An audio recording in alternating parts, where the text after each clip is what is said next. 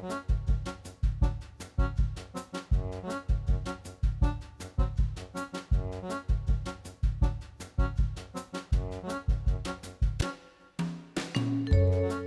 og sæl og velkomin í mannlega þáttinn. Í dag er mánudagur 23. oktober.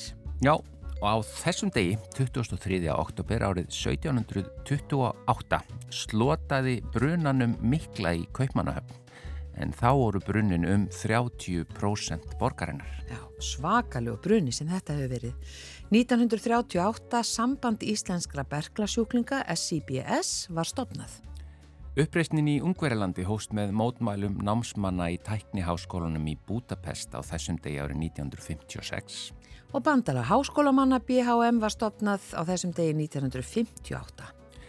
Á þessum degi 1963 uh, mældist í Vestmanægi um 10 mínútna meðal vindraði 200 kílometrar á klukkustund. Þetta var vind hraða met á Íslandi og var ekki jafnað fyrir, fyrir 3. februar 1991 og þá einnig í Vestmanægjum.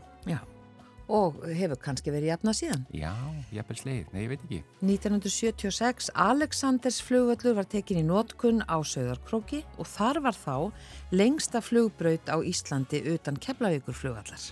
Já, meira af íslensku flugi því að WOW er yfirtók rekstur flugfélagsins Æsland Express á þessum degi árið 2012. En að efni þáttarins í dag Gunnar Árnason, hljóðmaður, er fimmfaldur ettu velunahafi og með yfir 35 ára reynslu í sínu fæi, hljóðmannafæinu. Og nú vill hann deila þessari reynslu og kenna öðrum eftirvinnslu hljóðs í kvikmyndum og leiknu sjómasefni. Hann byrjaði sem hljóðmaður á Hotel Sögu, farði sér svo hægt og rólega frá dansleikum, tónleikum og leikúsum yfir í kvikmyndagerð og hefur starfað þar síðustu 20 árin og það vantar fólk í þessa grein. Gunnar Árnarsson kemur til okkar hér eftir smá stund. Já, svo fáum við vingil frá Guðjan Helga Ólarsinni í dag eins og aðra mánudag í þetta sinn ætlar hann að leggja vingilin við súkulaði og kakóböina framleiðslu í hverfulum heimi og svo er það auðvitað lesandi vikunar. Í þetta sinn er það Gunnar Alexander Ólafsson, heilsu hagfræðingur og áhuga maður um bókmentir og það er ekki ofsögum sagt að segja hans í áhuga maður um bókmentir því að hann læti sér ekki næja að lesa mikið af bókum heldur skrifar hann um þar held ég allar á Facebook síðu sinni og er með svona dóm einhvers konar eh, að lestir í loknum. En auðvitað fáum við hann bara til þess að segja okkur frá einhverjum, 3-5 bókum sem hann hefur lesið undanfarið og er, hvaða höfundar og bækur hafa haft mest áhrif á hann í gegnum tíðina. En við byrjum á stuðmunum Honey Will You Marry Me? Syngja þau, eða þannig eru það þeir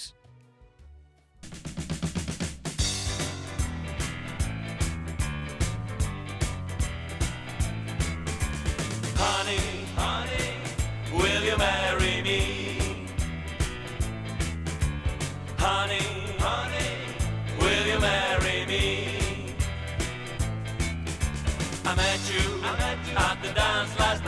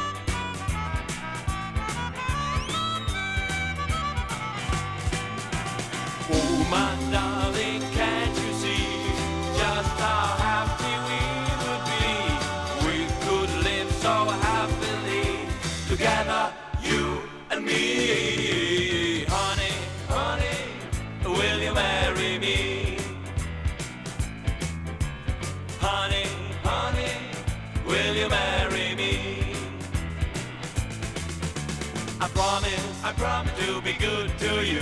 To you. if you, if you say you love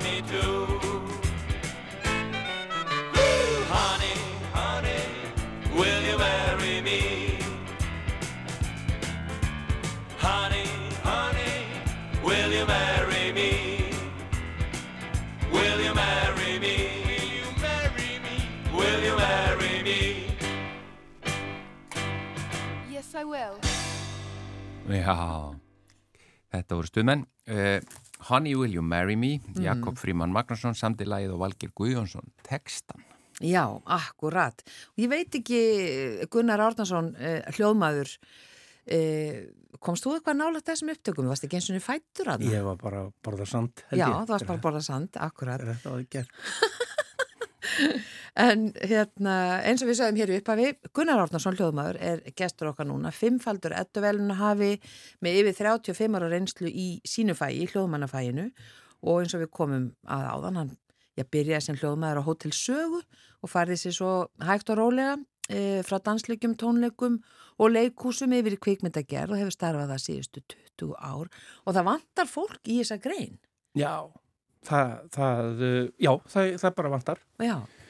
Í, þetta er grein sem er á gríðalegri uppleið hérna á Íslandi og þetta er svakaleg framleiðsla í gangi, bæði já, innlend efni sem innan gæsalappa er orðið erlend efni. já, Maður hættur að kippa sér upp við það þó maður fari til útlanda og sjá einhverja íslenska seríu eða bíómynd í sjónvarpinu á hótelinu, sko. Og, Þetta er svo merkilegt að því bara, það er ekkit langt síðan að hafa bara sko bein útsending í fréttum að því að yngvar var að fljúa út í eina erlenda mynd sko, Já. K19 eða hvað var, Já, en nú er þetta bara daglega Þetta er bara daglegu viðburður og, og svo ég tala ekki um eins og uh, í tölvuleikja bransanum því fólk gerir sér enga grein fyrir því hvað er óbúslega mikið af íslensku leikurum að leika í tölvuleikjum út um allan heim. Og sko eitt annað líka, því kvikmyndir og tónlist og allt þetta, en þú stundar það er það ekki að fara í alls konar mismunandi rými og sapna, hvað, hljóðinu í rýminu, Já, já. Í, í svona hljóðbanka. Jú, jú, bæði það heita rúmtónar eða herbergistónar og ég á einhverja hundra svoleiðis og svo, svo bara íslensk umhverjusljóð líka, sko. Já, Ég er alltaf með upptökutæki með mér. Já, sem er, er sem að þá eh, hljóðmenn hér og þar um allan heim eru kannski að fara í einhvern banka og nýta sér. Uh, ég er nú, er nú bara með þetta fyrir sjálfa mig eins og já. er sko að, að, að hérna að því það við erum með mjög sérstök umhverjusljóð sko þannig að úr í þessum erlendu böngum eru fuglar sem við þekkjum ekki eða, eða já. skortýr, engi sprettur og, og eitthvað svo leiðis það er ekki, það er ekki apar í, í íslenskum frumskóum Nei, en svona kannski á ymsum stöðum. já já, þeir eru svo út um allt en, uh, og hafa hátt já, Já. en hafa öðruvísi læti. en eru með öðruvísi erlendu læti afarnir. já. Já, já. En segja okkur einmitt uh, akkurat þetta í þinni vinnu sem, sem hljóðmár og þú ert að færa þarna yfir úr dansleikjum, tónleikahaldi og leikhúsvinnu sem er allt öðruvísi heldur en já, kvikmynda og Já, já. svona leikna sjómasefnisvinnan. já, þetta er náttúrulega bara Er Í- þetta alveg svart og hvít? E, e, já og nei. E, þetta er náttúrulega allt svona ákveðin sérhæfing og, og svo nýtist þetta, nýtist þetta manni alltaf áfram. Eins og til dæmis e, e, það sem að ég tek mest með mér í stúdióið úr leikúsunum er að geta mixa á mixer e, að vera fljótur að mixa, að vera með þú veist, fjóra putta á hvoru hönd á mixernum og mixa áttar á sér í einu eins og maður þurft að gera í leikusunum. Það er til dæmis það sem að ég hugsa alltaf að það er líklega það sem að ég hérna, tók langmest með úr leikusunum og inn í stúdíóið. Það eru margir sem vinn í stúdíóum í dag og þeir mixa allt með músinni og þá gerur þau bara eitt hlut í einu. Þú veist, það er bara, ég segi, það er svona eins og bóri nefið. Þú, þú getur ekki bórað með annari hendin í báðanarsinnar. Það er erfið. Það er hægt að nota Það er hægt að tvo nota tvo, það er hægt að Já. nota tvo, en Já. ekki meira. Já, og þetta, þessu skilt, ég er bara að datt mér í hug sketsi með Monty Python, a man with a tape recorder up his nose. Já, Það er bara tengt þér líka, fyrst þú ert að nefna þetta með, það er ekki nákvæmlega. algjör út úr. Já, Já, hérna. Eh, Hérna, þetta er náttúrulega sko líka í eins og kvikmyndaefni, eh, sjónvarps og kvikmyndum, já, þá er, ég held að bara svona almenni áhórandin átti sig ekki á mikilvægi hljóðsins. Því að þú ert tilbúin að fyrirgefa þó að myndin sé ekki fullkominn þó auðvitað skiptir málón sé góð og allt þannig en ef að hljóðið er ekki gott þá er bara myndin ónýtt Já, það er svona skemmir eða, já, já, en auðvitað er þetta það er fullt af hlutum og þetta er Já, allt og þetta þarf allt að smetla og líka handritið mm. það er ekki einu sinni, þú Já, veist, já. þó að allt sé í lægi nema handritið, að það er heldur ekki gott sko. Mm. og það er ég hef alltaf sagt það sko, ef að enginn talar um hljóðið þá er það, þá er það mjög fínt. Já, ef einhverjum finnst hljóðið æðislegt þá er það svo ábyrrandi að einhverjum öðrum finnst það ömulegt sko. Ah, já, það er bara þannig. Já, því það er einhvern veginn uh, já, ef að mönnum finnst það er svo geggja hljóðið þessu að því það er svo mikið af sprengingum og flugulum og látum þá finnst einhverjum öðrum að djöfus háaði var í þessu og þetta var alveg ömulegt já, en ef að enginn segir neitt þá, eða svona er ekki talað um það þá finnst mér það alltaf þá er ég glaðastur já. Eh, bara svona segjum að það er bara ein sena í mynd, eh, það er einhver að tala og það er einhver hljóð og fólk að skella hurð og eitthvað svona. Hvað er mikið tekið upp á staðinu, þetta er svona bara fyrir leikmannin, þú veist, er allt eh, já, eftir á unnið í stúdiói eða er eitthvað tekið upp á uh, staðnum? það er sem er náttúrulega, já, já, já, já það er heilmikið tekið á staðnum og það er lögð sérstaklega mikil áhersla á talið. Að það sé í lægi en um leið og einhver er að skella hurð meðan einhver er að tala þá þarf að taka það aftur. Þú veist, það tal. Og þannig að ég kalla inn leikara við fá leikara inn aftur til þess að laga svoleiðis lítil svona smáatriði og talandu það að leikarum finnst það svona oh, að þurfa að koma í stúdíu og eftir og gera þetta allt aftur. Ég gert eina mynd sem að var með hérna með honum Kelsey Gramman hérna, Freysir já, Freyser Já, og það var ein, það er stórkostleg sena með honum, hann er náttúrulega búin að vera í þessu í mjög mörg ár. Mhm. það er ein sena með honum, það sem hann er að fá sér kaffi. Hann er með kaffivílina og tekur könnun undan kaffivílina, hettir í bollan og opnar í skápinu og fær sér mjólk og lokar honum og setur bollan á borðið. Hann segir aldrei stakt orð meðan hann er að gera eitthvað sem er með látum. Og þetta er svo meðvitað hjá honum samt ósalrátt mhm. af því að hann nennir ekki að Eftir koma í alla þessa reynslu. já, eftir alla þessa reynslu sko hann veit, Og ef svo ég koma- tala núna þá, Já, þá þarf að þá þarf að laga það og, en ekki það við þurftum að fá hann til að laga smá og, og, hérna, og hann var mjög flottur í því sko. En ég heyrði einhver staðar að í erlendum kvikmyndum, þessum stóru, stóru Hollywoodmyndum, þá væri meir og minna allt tal tekið upp eftir og aftur. Já, og það er bara, þú veist, það er rosalegt budget og í sko erlendum myndum eru kannski, er 15 manna hljóðkrjú í 5 mánuð að gera hljóð í eina erlenda mynd sko, meðan að kannski á Íslandi eru við kannski í 8 til 10 vikur og það er ykkur 2, 3, 4 Já, já. sko. Og, og þá eru bara menn látnir í það oft. Ég, ég, fyrsta skipti sem ég heyrði þetta var til dæmis í Avatar að það, að þar vissi ég að allur dílókurum var allur tekin upp aftur og það, það var svona val þú veist, menn höfðu val. Mm svo hef ég líka heyrt í útlöndum er oft uh, erlendi leikarar eru bara með það í samningum sínum að þeir e koma og horfa á og þeir fá að taka aftur ef að þeir vilja. Já, Já, að þeir horfa bara á sínar senur og segja bara ég vil segja þetta aftur. Af því að þetta eru kannski senur eh, kannski er ein sena sem gerist á einni mínúndu hún er kannski tekin upp á fjórum-fimm klukkutímum. Mm. og það eru kliftar saman setningar, ein sem er tekin upp klukkan nýju um morgunin og önnur sem er tekin upp klukkan eitt. Og kannski hefur uh, pitchið eða sem sagt, tónhæðin í röddinni breystum síi niður um, um, um hálftón eða heiltón og eða einhverjar, hann hefur kannski lagað eitthvað í leiknum sem er svo einhver ein eldri taka sem hann heyrir að hann vil ekki hafa. Já, og ímislegt svona sko. Er orðið. En sko, að því þú ert að fara að kenna þetta eh, núna. já, já ég, ætla að halda, ég ætla að halda svona masterclass námskeið í lok januar Já, og hva, hvernig, sko, ég minna, hvað, hvað fær maður, getur maður bara hreinlega orðið eh, að fara að starfa við þetta? Eða hva, hvernig Sko, námskeiðin er þetta er, þetta er sem sagt, þetta er eh, rafmennt er að halda þetta og, og hérna þetta er, en verður haldið upp í stúdíónu hjá mér Mm. sko, þú þarft að vera með svona ákveðna lámastekkingu þú kemur ekki alveg, þú veist, ég er ekki að fara hérna og svo opnaru þetta forrit og ítir á þennan takka. Ég, ég vinn í Pro Tools Já, og menn þurfa svona að hafa lámastekkingu í svona uh, þessu umhverfi mhm, uh, þessu tölvu umhverfi og, og svoleiðis, ég er ekki að kenna á það en ég er svona meira að sína hva, hvernig ég hvernig ég uh, meðhundla talið, hvernig ég geri hvernig ég tek upptökur í stúdíónu það, náttúrulega þarf þetta er einhverjar tökur sem eru teknar úti og út um bæ og út um allt og svo er það lagað tekið upp inn í stúdíu og það, að, það má ekki heyrast munurinn og hvernig þarf að hvað þarf að gera við það hljóð til þess að það, það áhörfandan fatt ekki að þetta sé svo tekið inn í stúdíu og þessi Já. kannski eina setning eða eitthvað svo leið sko Einmitt. og að leggja hljóðeffekta og, og, og á þetta og náttúrulega og hljóðblanda allt saman þegar maður er komið með tónlistina. Ég fæ fóli uh, sem sagt fótatök og fataþrusk kemur alltaf frá Þýskalandi. Ég er búin að vera með mann uh, sem er unni fyrir mig þaðan í 20 ár. Þýsk fótatök.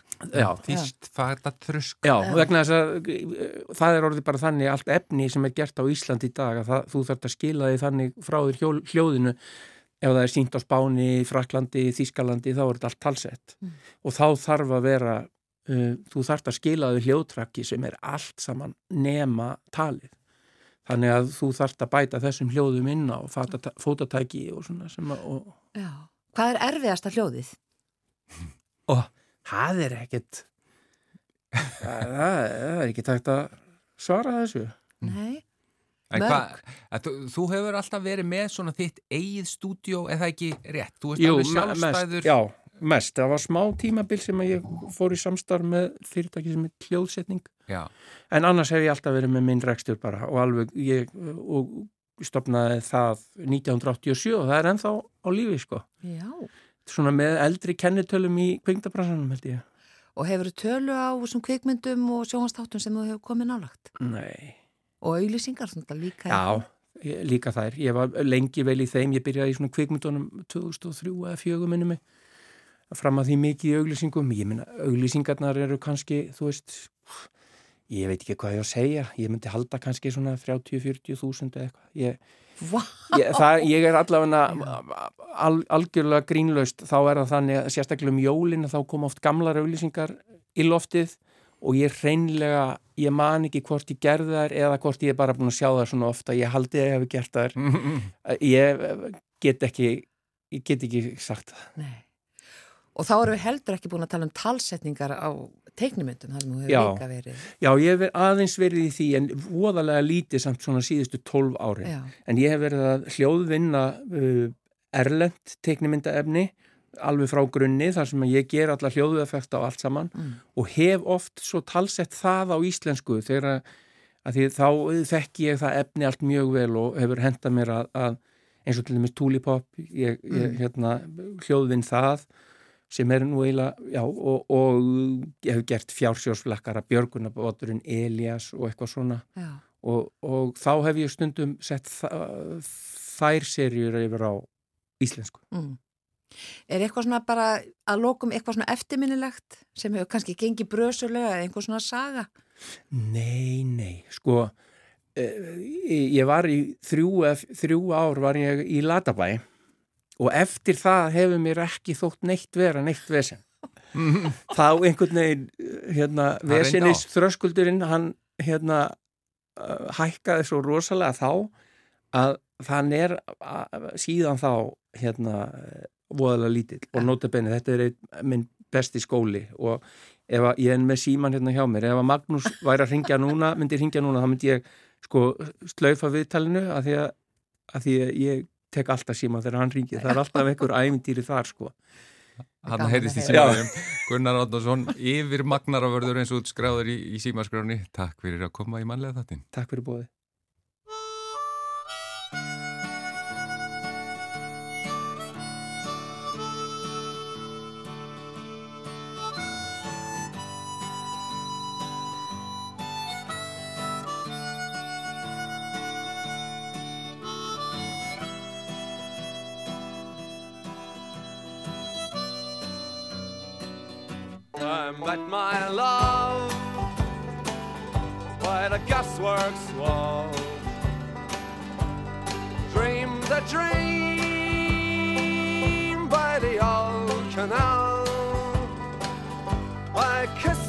Girl by the factory wall. Burly old town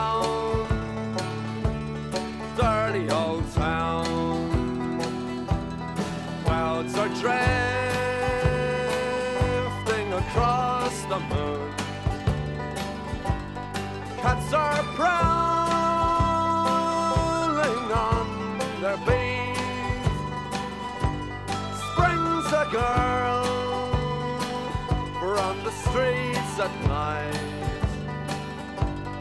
Dirty old town,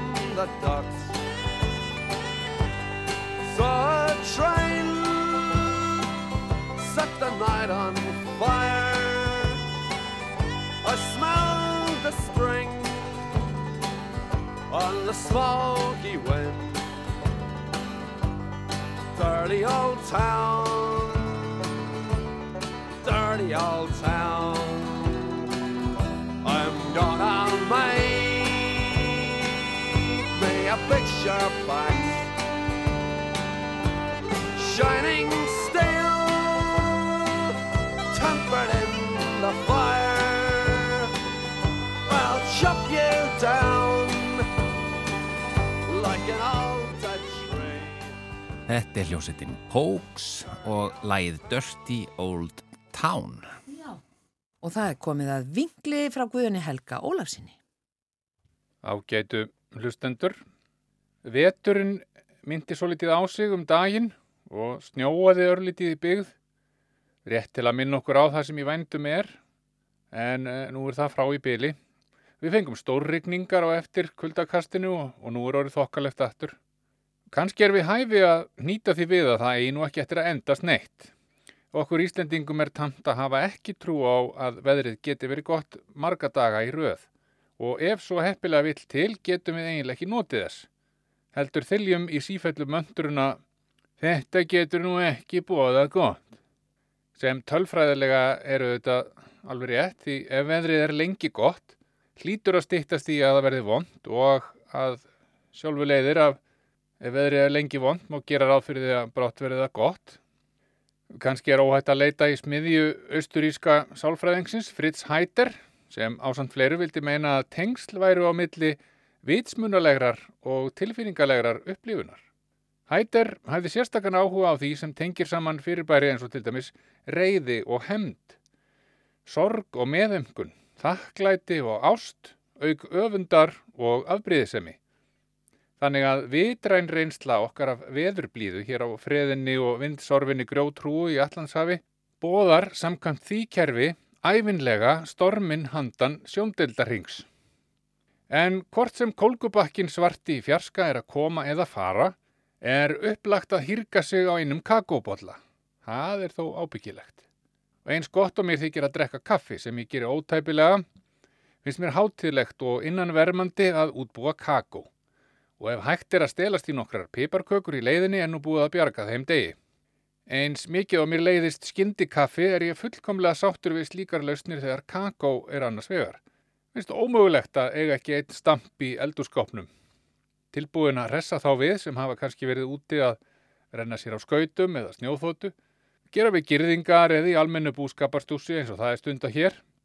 Sennilega ætti nú frekar að kalla þennan drikk súkulaði reyndar því sætuefni eru ekki skorin við nögl í þeirri tegund sem alla jafna ratar í körfuna hjá mér í kjörbúðinni. Engin hotlustu drikkur, nema síður sé. Og auðvitað er hægt að búa sér til kakóbotla án þess að drekja öllu í sigri. Já, helst rjóma líka, þó ég hafi ekki áhuga á því enn sem komið er. Sistir mín blessuð hefur af góðmennsku sinni einni saman útbúið handa mér kakó, sem ræktað er á einhverjum friðum fjallatoppum í Guatemala algjörlega ómengað af vestrænum bæti efnum og hugmyndafræði, þar sem bæði bændur og bönur eru beintengdar við innra sjálfið og hreinsa úrmanni allan óþvera á 13 sekundum sléttum. En svoleiðis kakó er bara til fyrir lengra komna í mannrekt. Ég þarf að æfa mig tölvert enn og á mikið af ónýttum tækifærum til að njóta slíkra guða vega.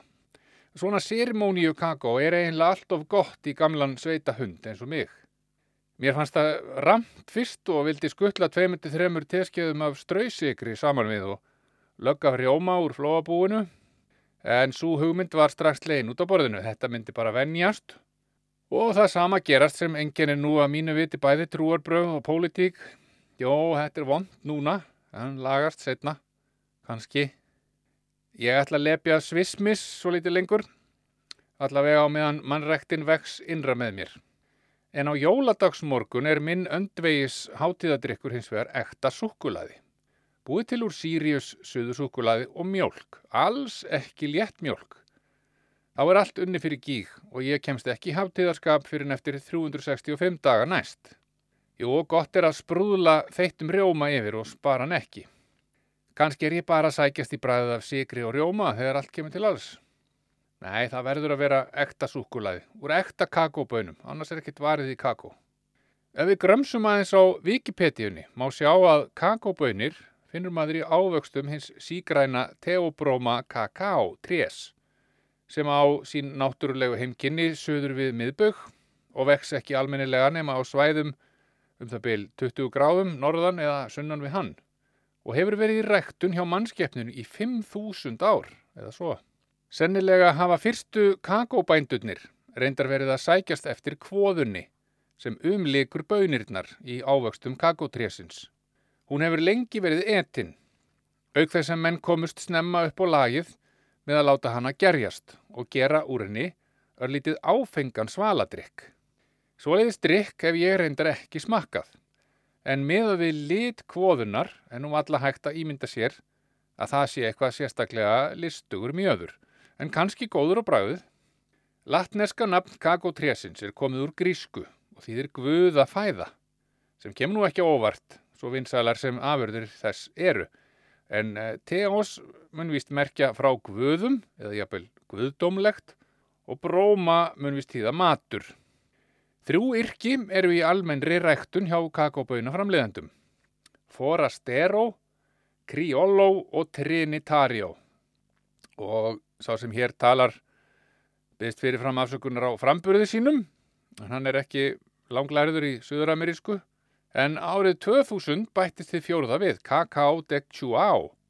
Sjaldgefast og dýrast er Criollo. Einungis 10% af kakóbönum veraldar er af því afbriði.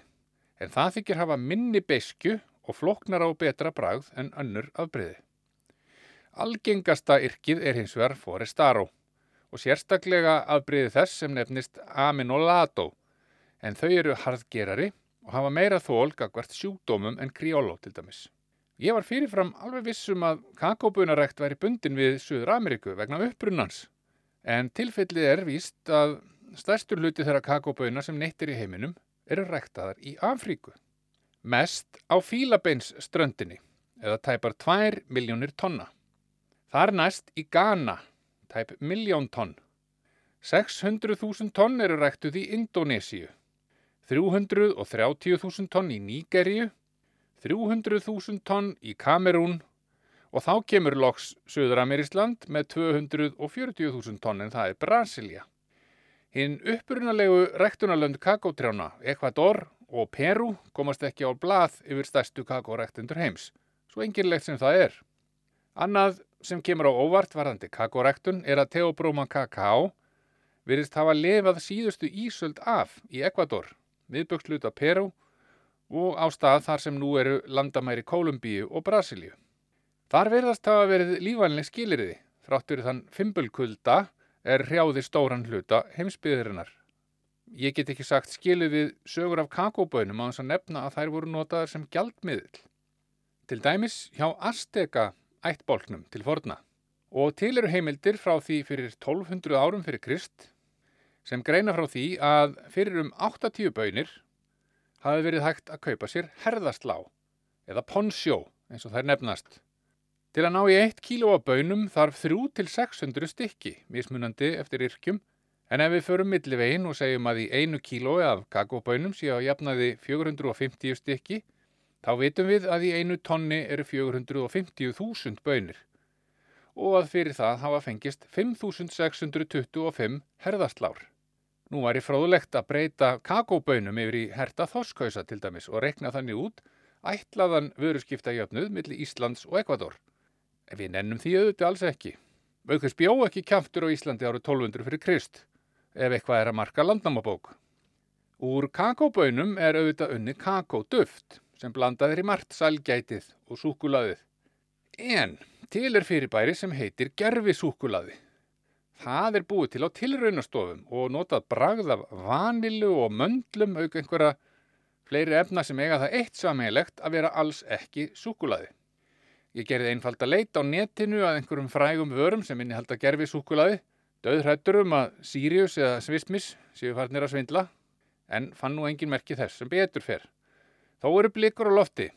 Kakótrían vaksa við miðbaug, eins og fyrir segir, við nokkuð sérstakar aðstæður og má lítið út af bera í veðurfarslegu tilliti ef uppskeran á ekki að bregðast. Um nokkurt skeið hefur borið á því að náttúrulegum frumskói við miðbaug hefur verið eitt af mannavöldum. Aðalega svo búa megi til beitiland fyrir grasbíta og vegna mæsræktunar sem að stórum hluta ratar í etanólframlegslu og er meðal annars nota til að drýja bensín hér upp á Íslandi í nafni umhverfisverndar. Ég held að við ættum að leggja þann ósið niður alveg grænum kvelli og hugsa okkar gang. Frumskóurinn er réttilega nefndur lungu jarðar og gríðarlega mikilvægt að minka hann ekki heldur að auka við flatarmálskóarins á meðan jarðarbúum fjölgar sífelt eins og reynslan, reynslan sínir. Auk þess er stærstur hluti af þeim velbúnaði sem notar bensín sem orkugjafa alls ekki framleitur með það fyrir augum að ganga á slíkri blöndu.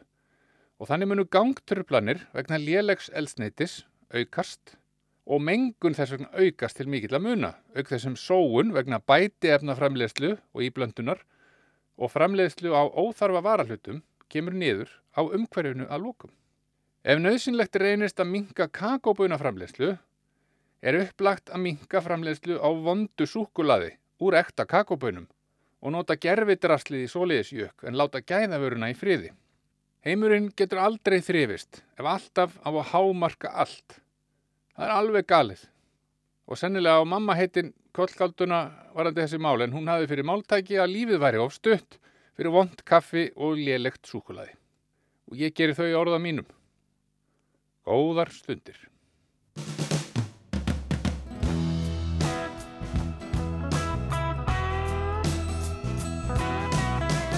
Var fyrir löngu kent að klára af diskinum og kannast vel við óbræði sem er af fiskinum. Ég hef í setni tíð tanið mér nýjan sig og trygg nú einvörðunguð það sem ég klýjar ekki við. Súkulaði, afi á alltaf nóg súkulaði sem þarf að koma í ló súkulaði langar ykkur í. Afi súkulaði hann bjargar því. Svo lítið grænfóður er ljúft en snátt og það næ. Ég læt mig hafa kjötsúpu sem vermir niður í tæ. Sjálfur hef ég útugsað minn eigin fæður hlín og innan hans þar rúmast hvorki skellfiskur nýja lín. Súkulaði, hafi á alltaf nóg. Súkulaði, sem þarf að koma í lóð. Langar ykkur í Hafi súkulaði hann rettar því Jæja krakkar langar ekki eitthvað í súkulaði? Ha? Jú, jú. Já, nei, auðvitað Já. Mamma er auðvitað búin að banna það Það er svo opbóðslega óholt, ég skil, ég skil. En þið vitið samt hvað súkulaði er. Já, það er, það er nefnilega brúnt grænmið. Já. Já. Já. Súkulaði af ég ást að nóg. Súkulaði sem þarf að koma í ló. Súkulaði langar ykkur í. Hafi súkulaði, hann bjargar því. Hafi súkulaði Hann refður því Er allt búið? Já, meira Hver er besti afinn? Hver er besti afinn, já? Þetta var Egil Lólasson og Memphis Mafian og lagið heitir Afi Súkulaði. Ég valdi það nú bara því að hann Guðjón Helgi var að tala um í vinklinum hérna áðan um kakobönir og súkulaði. En það er komið að lesanda vikunar og í þetta sinn er það Gunnar Alexander Ólafsson og ég er átt að með á því að þetta er þú þriðji Gunnarinn í þættinum í dag þar sem með mér. Já, þakkaði fyrir. Já, velkomin í þáttinn og til hamingjum með þetta fallega nafn. Takk, sem leis. Þú ert heilsuhagfræðingur Já, og mikill áhuga maður um bókmyndir og það er alveg óhætt að segja að því að sko ef maður, ég bara hef séð og mér var bent á það Mhm. að, að, að þú skrifar um nánast allar bækur sem þú lest inn á Facebook já, nánast allar. Uh, ekki svona bækur sem ég er að skrifa vegna, sem ég er að lesa vegna vinnunar eða einhverja vinnu sem ég er að vinna þá og þá stundur, en allar bækur sem ég les mér til lána, skrifa ég, já. Já, og, og veistu hvað þær eru konar margar sko bara þar að því þú segir að þú hafi byrjað að áður en við fórum í loftið og sagðir mér að væri byrjaðar að því að skrifa þetta allt einhverstaðar í Wordskjál sko Já, uh, ég ætli ég ekki byrja á sig svona kannski akti svona 2009-2010 og tala sér kannski, ætli sé ekki no nokkur hundruð. Já, já Hva, Hvaðan kemur þessi mikli lestarar áhugi? Já, það er nú gott að þú spyrð, ég var einmitt að hugsa um þetta hvaðan kom þetta allt saman og ég hef að man eftir mér alltaf í bókasöfnum með fóldur mínum. Já, Þau lásu rosalega mikið, mamma og pappi, sérstaklega mamma, móður mér var sænsk og við vorum mikið í Norrannhúsinu, bókasöfnum þar. Og svo líka í borgarbókasöfninu sem þá var staðsett á Þingolst, uh, mig. Já. Og ég man alltaf eftir mér þar að náði bækur, lesa bækur og svo var mjög gott bókasöfn til á heimili fóldra minna sem ég er ná- nánast fekk líka eftir þeirra dag. Og uh, já, ég hef alltaf haft alveg gríðalega ná á bókum. Og er eitthvað, sko, þú sendir mér svo langan lista bókum sem þið langar að tala um, þannig ég eiginlega ætla ekki að eyða meiri tíma, við bara vindum okkur beint Já. í þær. Eh, hva, hvaða svona bók kemur fyrst upp hjá þér sem að þú ætlar að segja okkur frá? Það er fátt að fólk eftir Tryggva Emilsson. Já, Hún er einhver albesta bók sem ég hef lesið og uh, fjallar um kannski það sem er kannski einn áhörverðist við þá bók er eh, hvað, hvað er stutt síðan. Hann er að skrifa um sínar upplýst aðstæður um aldamótin og fyrstu árin 2000-aldara 1900-1910 þegar hann er alast upp í Öksafyrði, nei, Öksnadal í, í, ekki, ekki langt frá Akureyri. Já, og aðstæðina sem þetta fólk bjó við uh, og uh, og fátæktin og hvernig yfirvaldi fór með valdsitt gagvart þeim sem máttu, máttu minna mega sín að þetta er alveg skildu lesning það er náttúrulega er algjörlega magnað sko, aðstæðanar einmitt sem fólk bjófið á þessum tíma Já. og, og svo ef við förum til dagsins í dag, Já. þetta er bara, þetta sé hérna, það er svo mikið gerst á, á í rauninni ekki löngum tíma. Það er eiginlega það sem ég finnst vera eiginlega áhugaverðast við þetta, þessi framþróun sem við höfum átt sér stað síðan. En, en eins og ég segi, það er bara hvaða aðstæður fólk var alast uppi og hvernig svona einhvern megin, þá var einhvern megin sjálfgef þessa aðstæður.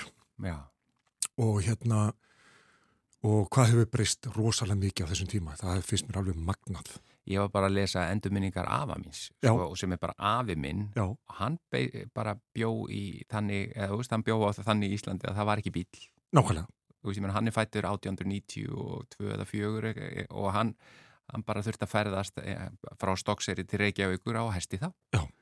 Þetta bara, þannig var lífið. Já, þannig var lífið. Já, já, og, og ég menna auk að alls hins, hérna, allt með bara rafmagn og hýta og allt þetta. En já, heyrðu, fátætt fólk, Tryggvi Emilsson, hvað, vindum okkur í næstu?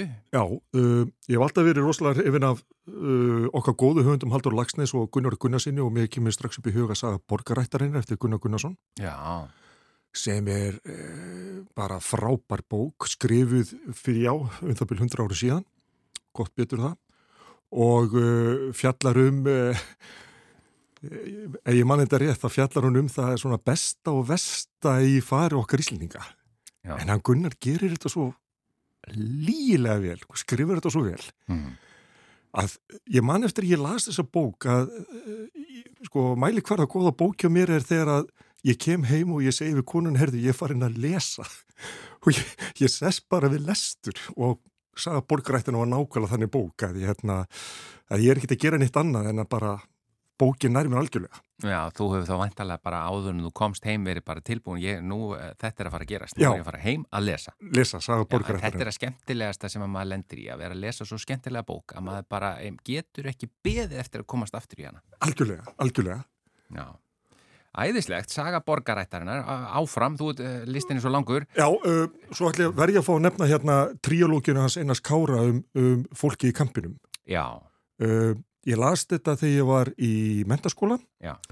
og hefur bara hugfangin af þessari sögu síðan. Vissi ekki, til dæmis þegar ég var 15 ára gammal, þá var ég að vinna hjá bæjarúkirinni nýra á mestarvöllum. Mm.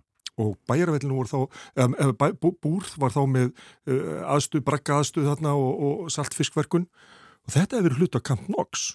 Og þetta vissi ég ekki, pappi bendi mér á þetta. já, Og eftir þetta fekk ég mikið ná að bröggunum og öðru því og, og, og, það sem einar test að gera er að lýsa þessu svo vel, þessum, þessu, þessu lífi sem átt sér stað þarna og, og fylgdist með örlugum einna fjölskyldu sérstaklega og, og þetta eru algjörlega frábæra bækur og Einar Kári einna mínu uppálsöfundum. Alveg, ég les allt sem kemur frá Einari, hann er, hann næri mér algjörlega, bara hefur alltaf náð mér og, og ég hef alltaf kunnað að meta hans bækur. við erum á svipuðum aldri og, og einmitt í skóla þá lásum við þessa bækur Nákvæmlega. Og það var ekkit allar bækur sem að maður þurfti að lesa í skólanum sem maður var rosa spenntur yfir. En, en þessar hittu á mann sko. Og ég man eftir ég tók prófi í þessura bók. Já, já, og ég, ég, ég fekk nú ekki marga tíurnar í skóla en þessa tíu fekk ég. Já. Uh, því að þetta, þessi bók náði mér og sögusviðið og, og svo náttúrulega var leikriti mannstu Já, já, sem var nú bara í brakka Bragganum, já, einmitt, einmitt. á grandanum. Á grandanum. Já, já þannig að þetta svona var allt kringum þetta og talandum uh, mismunandi tímabil í sögu Íslands Mhm. uh, það, þú talaði fyrst um fátat fólk eftir Tryggva Emilsson en svo þetta er nú annað tímabil sem Já. að er nú heldur betur það er að segja, manni finnst þetta svo langt í burtu en þetta er í rauninni ekki það langt, langt síðan já, svo verð ég að fá að líka nefna kannski eh, sem ég hefur fundist mjög skemmtilegt að lesa núna síðast árin, það eru bækunars Hallgrim Helga um já, tilurða uppbyggingu syklufjörðar Já, já, 60 kíló á, á sólskinn og 60 kíló á kjafsökum held ég að, heita já, og þær eru algjörlega frábærar. Það, það er nákvæmlega þessi. Ég var, ég var í fríi á, þegar ég las fyrirbókinu, var ég í fríi hérna á Spáni Já. Og ég bara, ég tók hana nánast á, á, á, á, á tveim dögum, eitthvað svo leiðis. já þetta er, þetta er ekkit smábók sko Nei, þetta er einhverja það er að segja svo fyrri sko það er segja, ég, ég hef lesið hana, ég hef ekki lesið en, síður, en Mæli það- með henni. og fyrri er akkurat þannig að ég hugsa bara, vá, hvað það hefur verið erfitt Já. að búa á þessu land Nákvæmlega. Nákvæmlega. Já, þetta hefur verið, eh, og þetta er ekkit grín sko, að vera, að vera hérna en svo ertu með sænska trílógíu Já, eftir Stíg Larsson já, um, uh, um uh, Lísbeth Salander já, já, og hennar baróttu uh, menn sem hatta konur og loftkastlinn hrundi og sko ég eh, móður mín var sænsk Já. og ég hef nánast valið langtölum í Svíþjóð sjálfur og hef mikla tengingu í Svíþjóð og ég- reiprennandi á, á sænsku, já Já, já, já, já.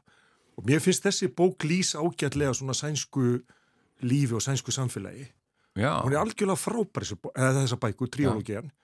Og um, já, ég er aldrei svona hrifin af, uh, af Stír Larsson því miður endist honum ekki aldur til þess að halda áfram, frábær blaðamaður mhm. og um, þessa bækur Gríðarlega náðu mér vinsælar algjör bækur. alveg svaka. En svo sko að því þessi og, og personar í þessum sögum eru þetta mjög sterkar og hún hérna Lísbeth eh, en, en eh, svo hafa verið gerðið bæði sænskar myndir Já, og svo hérna ennskumælandi Já. myndir. Hefur þú séð þetta allt? báðar, Báðar, báðar útgáðunar. útgáfur og Uh, hvað segiru? Ég finnst nú sænsku útgáðuna betri, sko. Já, Uh, að því þú segir að, að Svíþjóð sé svona sterk í þessum bókum. Já, og það verður eiginlega sko, já, þeir fara daldið svona, svíþjóðir, þetta er daldið svona fa- farið inn á það sem betra fólki aðallin hefur að lendir í vandræðum og leita til blaðamanns og Mhm. vilja, vil, vilja hafa þetta undir hérna yfirborðinu og, og þá fyrir hann að finna fullt af svona leyndamól sem ekki máttu koma fram og Já, já. þetta er, þetta er bók.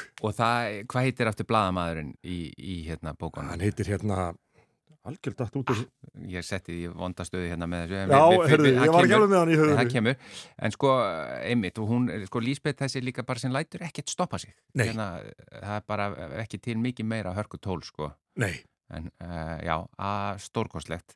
Heyrðu, svo sé ég það er hérna Þorgrins Þráinssonar bók. herðu, svo bók einn með mest óvart. Já, Það er bók sem heitir Allt holdir hei eftir Þorgrun Þráhansson já, og fjallar um líf kringum móðuharðitin, almúans, réttlaus almúans, yfirgang yfirvalsins, síslumanns og þau flýja og hvernig þau ber af. Svo bók náðu mér algjörlega já, og Þorgrymur á bara heiðuskili fyrir þessa bók. Uh, algjörlega frábær. Uh, móðuharðitin er tímabil sem maður kannski hefur ekki lesið mikið um en uh, þetta voru náttúruhamfærar áður óþættir stærð og við höfum aldrei upplegað annað en síðar. Ótrúlega gaman að lesa hana og, hvernig fólk komst af. já.